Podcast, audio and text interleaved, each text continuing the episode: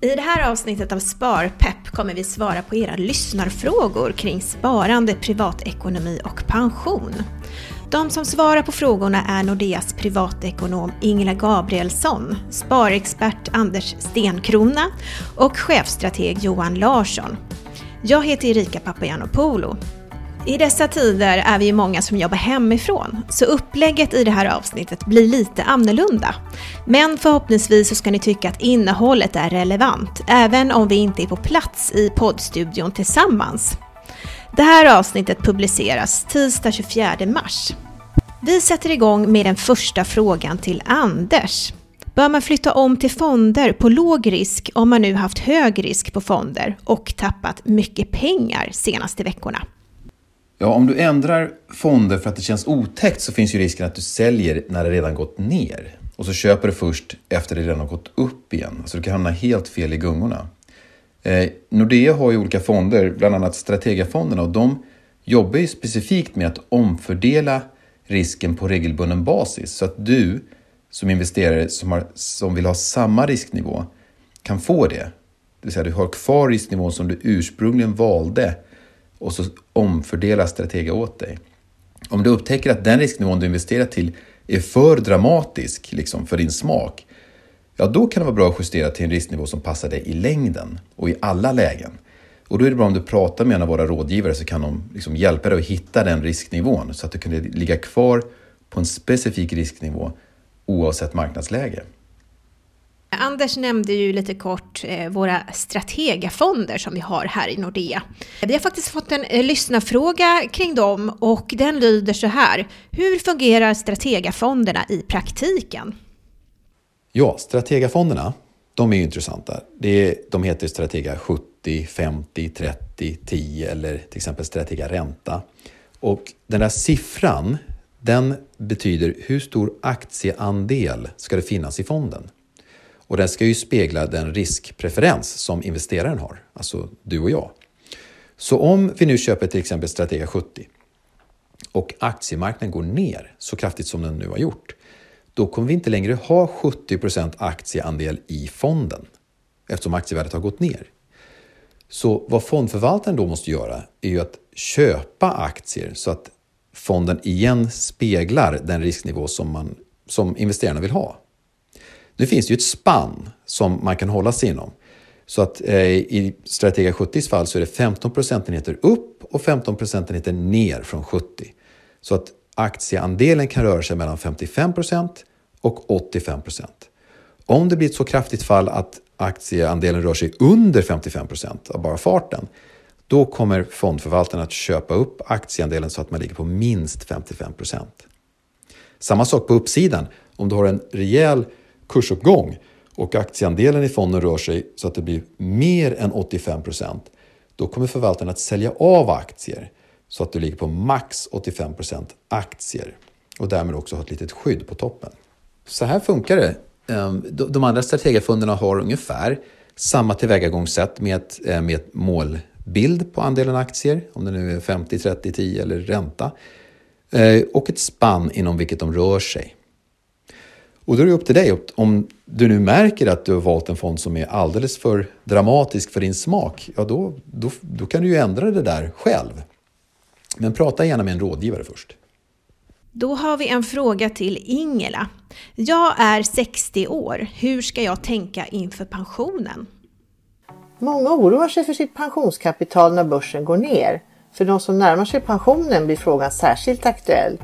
En tröst är att även om du snart ska gå i pension kommer du ta ut en mindre del av ditt pensionskapital varje år. Det som du inte tar ut fortsätter att vara ett del av ditt sparande och då finns det möjlighet till en bra avkastning under många år framåt.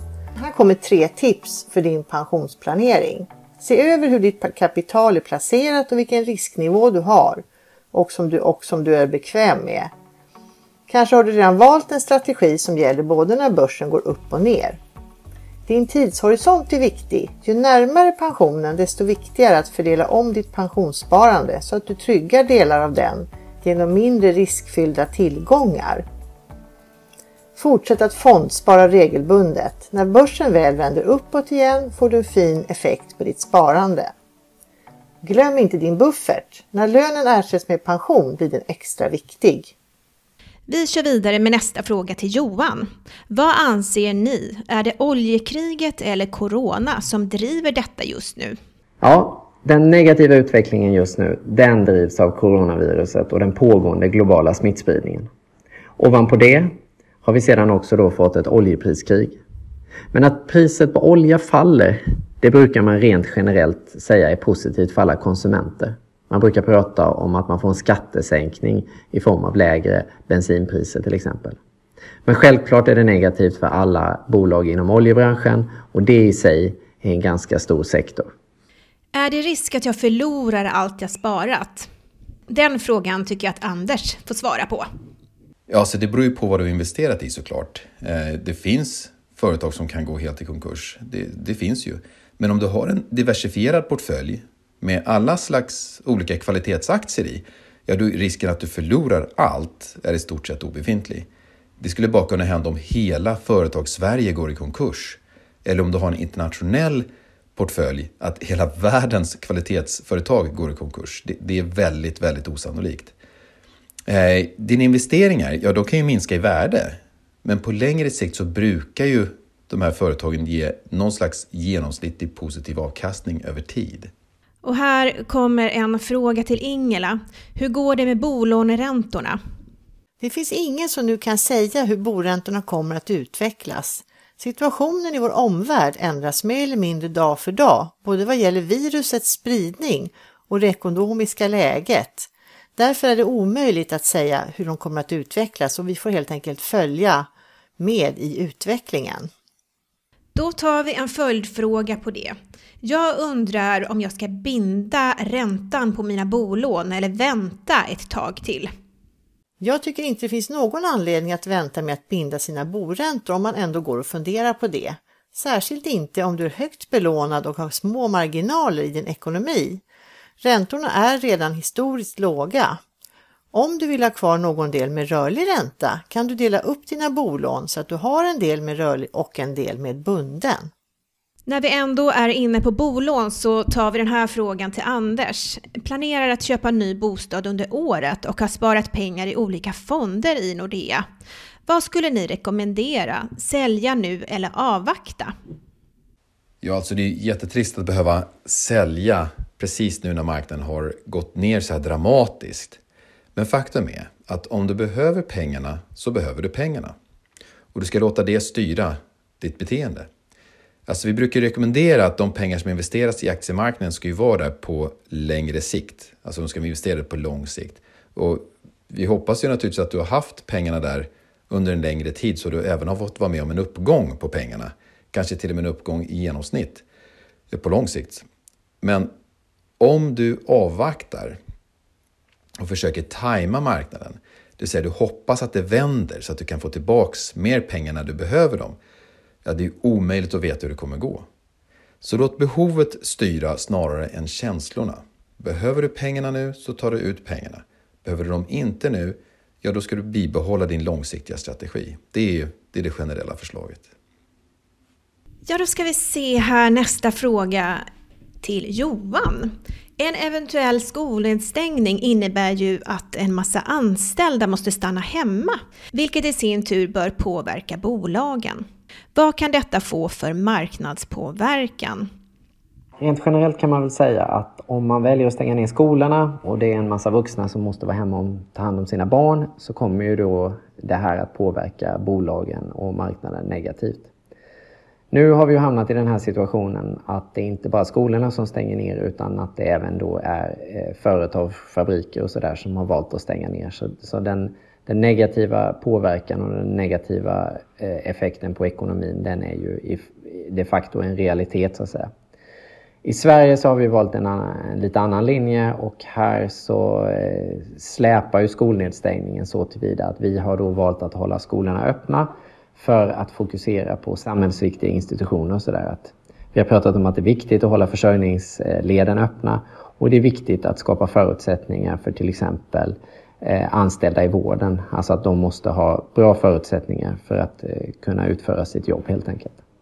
tar vi nästa fråga här till Anders. Kan jag tillfälligt sänka risken i mitt sparande? Ja, alltså när man gör saker tillfälligt och, och lite i respons till en marknadshändelse, då finns det ju stor risk att det kan bli fel. Så det är ju det är när det är som mest turbulent som vi drivs till att vilja sälja eller ändra vår långsiktiga strategi. Och samma sak gäller i uppgång. När alla är överens om att faran är över eller allt känns nu bara kan gå uppåt, då kan vi känna önskan att driva på och öka risken tillfälligt. Så om vi låter känslorna styra vår investeringsstrategi, ja, det är stor risk att vi alltid hamnar steget efter. Det brukar ge mycket bättre utfall om man håller sig till sin långsiktiga strategi och sparar på regelbunden basis. Så allt beror naturligtvis på vem du är och din situation, men generellt så är det långsiktighet, regelbundenhet och rätt risknivå som ger det bästa resultatet över tid. Då kör vi vidare med lite pensionsfrågor. Jag är 45 år och pensionssparar privat. Ska jag fortsätta med det nu eller pausa mitt månadssparande? Du har ju många år kvar till din pension och ska definitivt fortsätta att spara till den. Det som ger ett bra resultat är just ett regelbundet månadssparande under en längre tid. Försök planera för att ha en bra riskspridning på dina pengar även om börsen är inne i en instabil period just nu.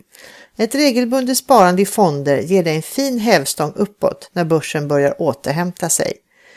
Det finns flera bra produkter för just pensionssparande där du kan få ett anpassat sparande utifrån risk och ålder.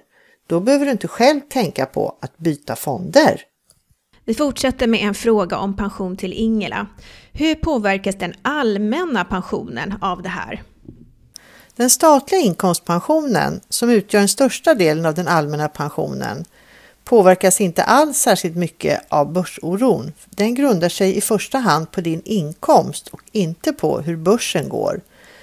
Om du blir arbetslös och får lägre inkomst påverkar det däremot din allmänna pension.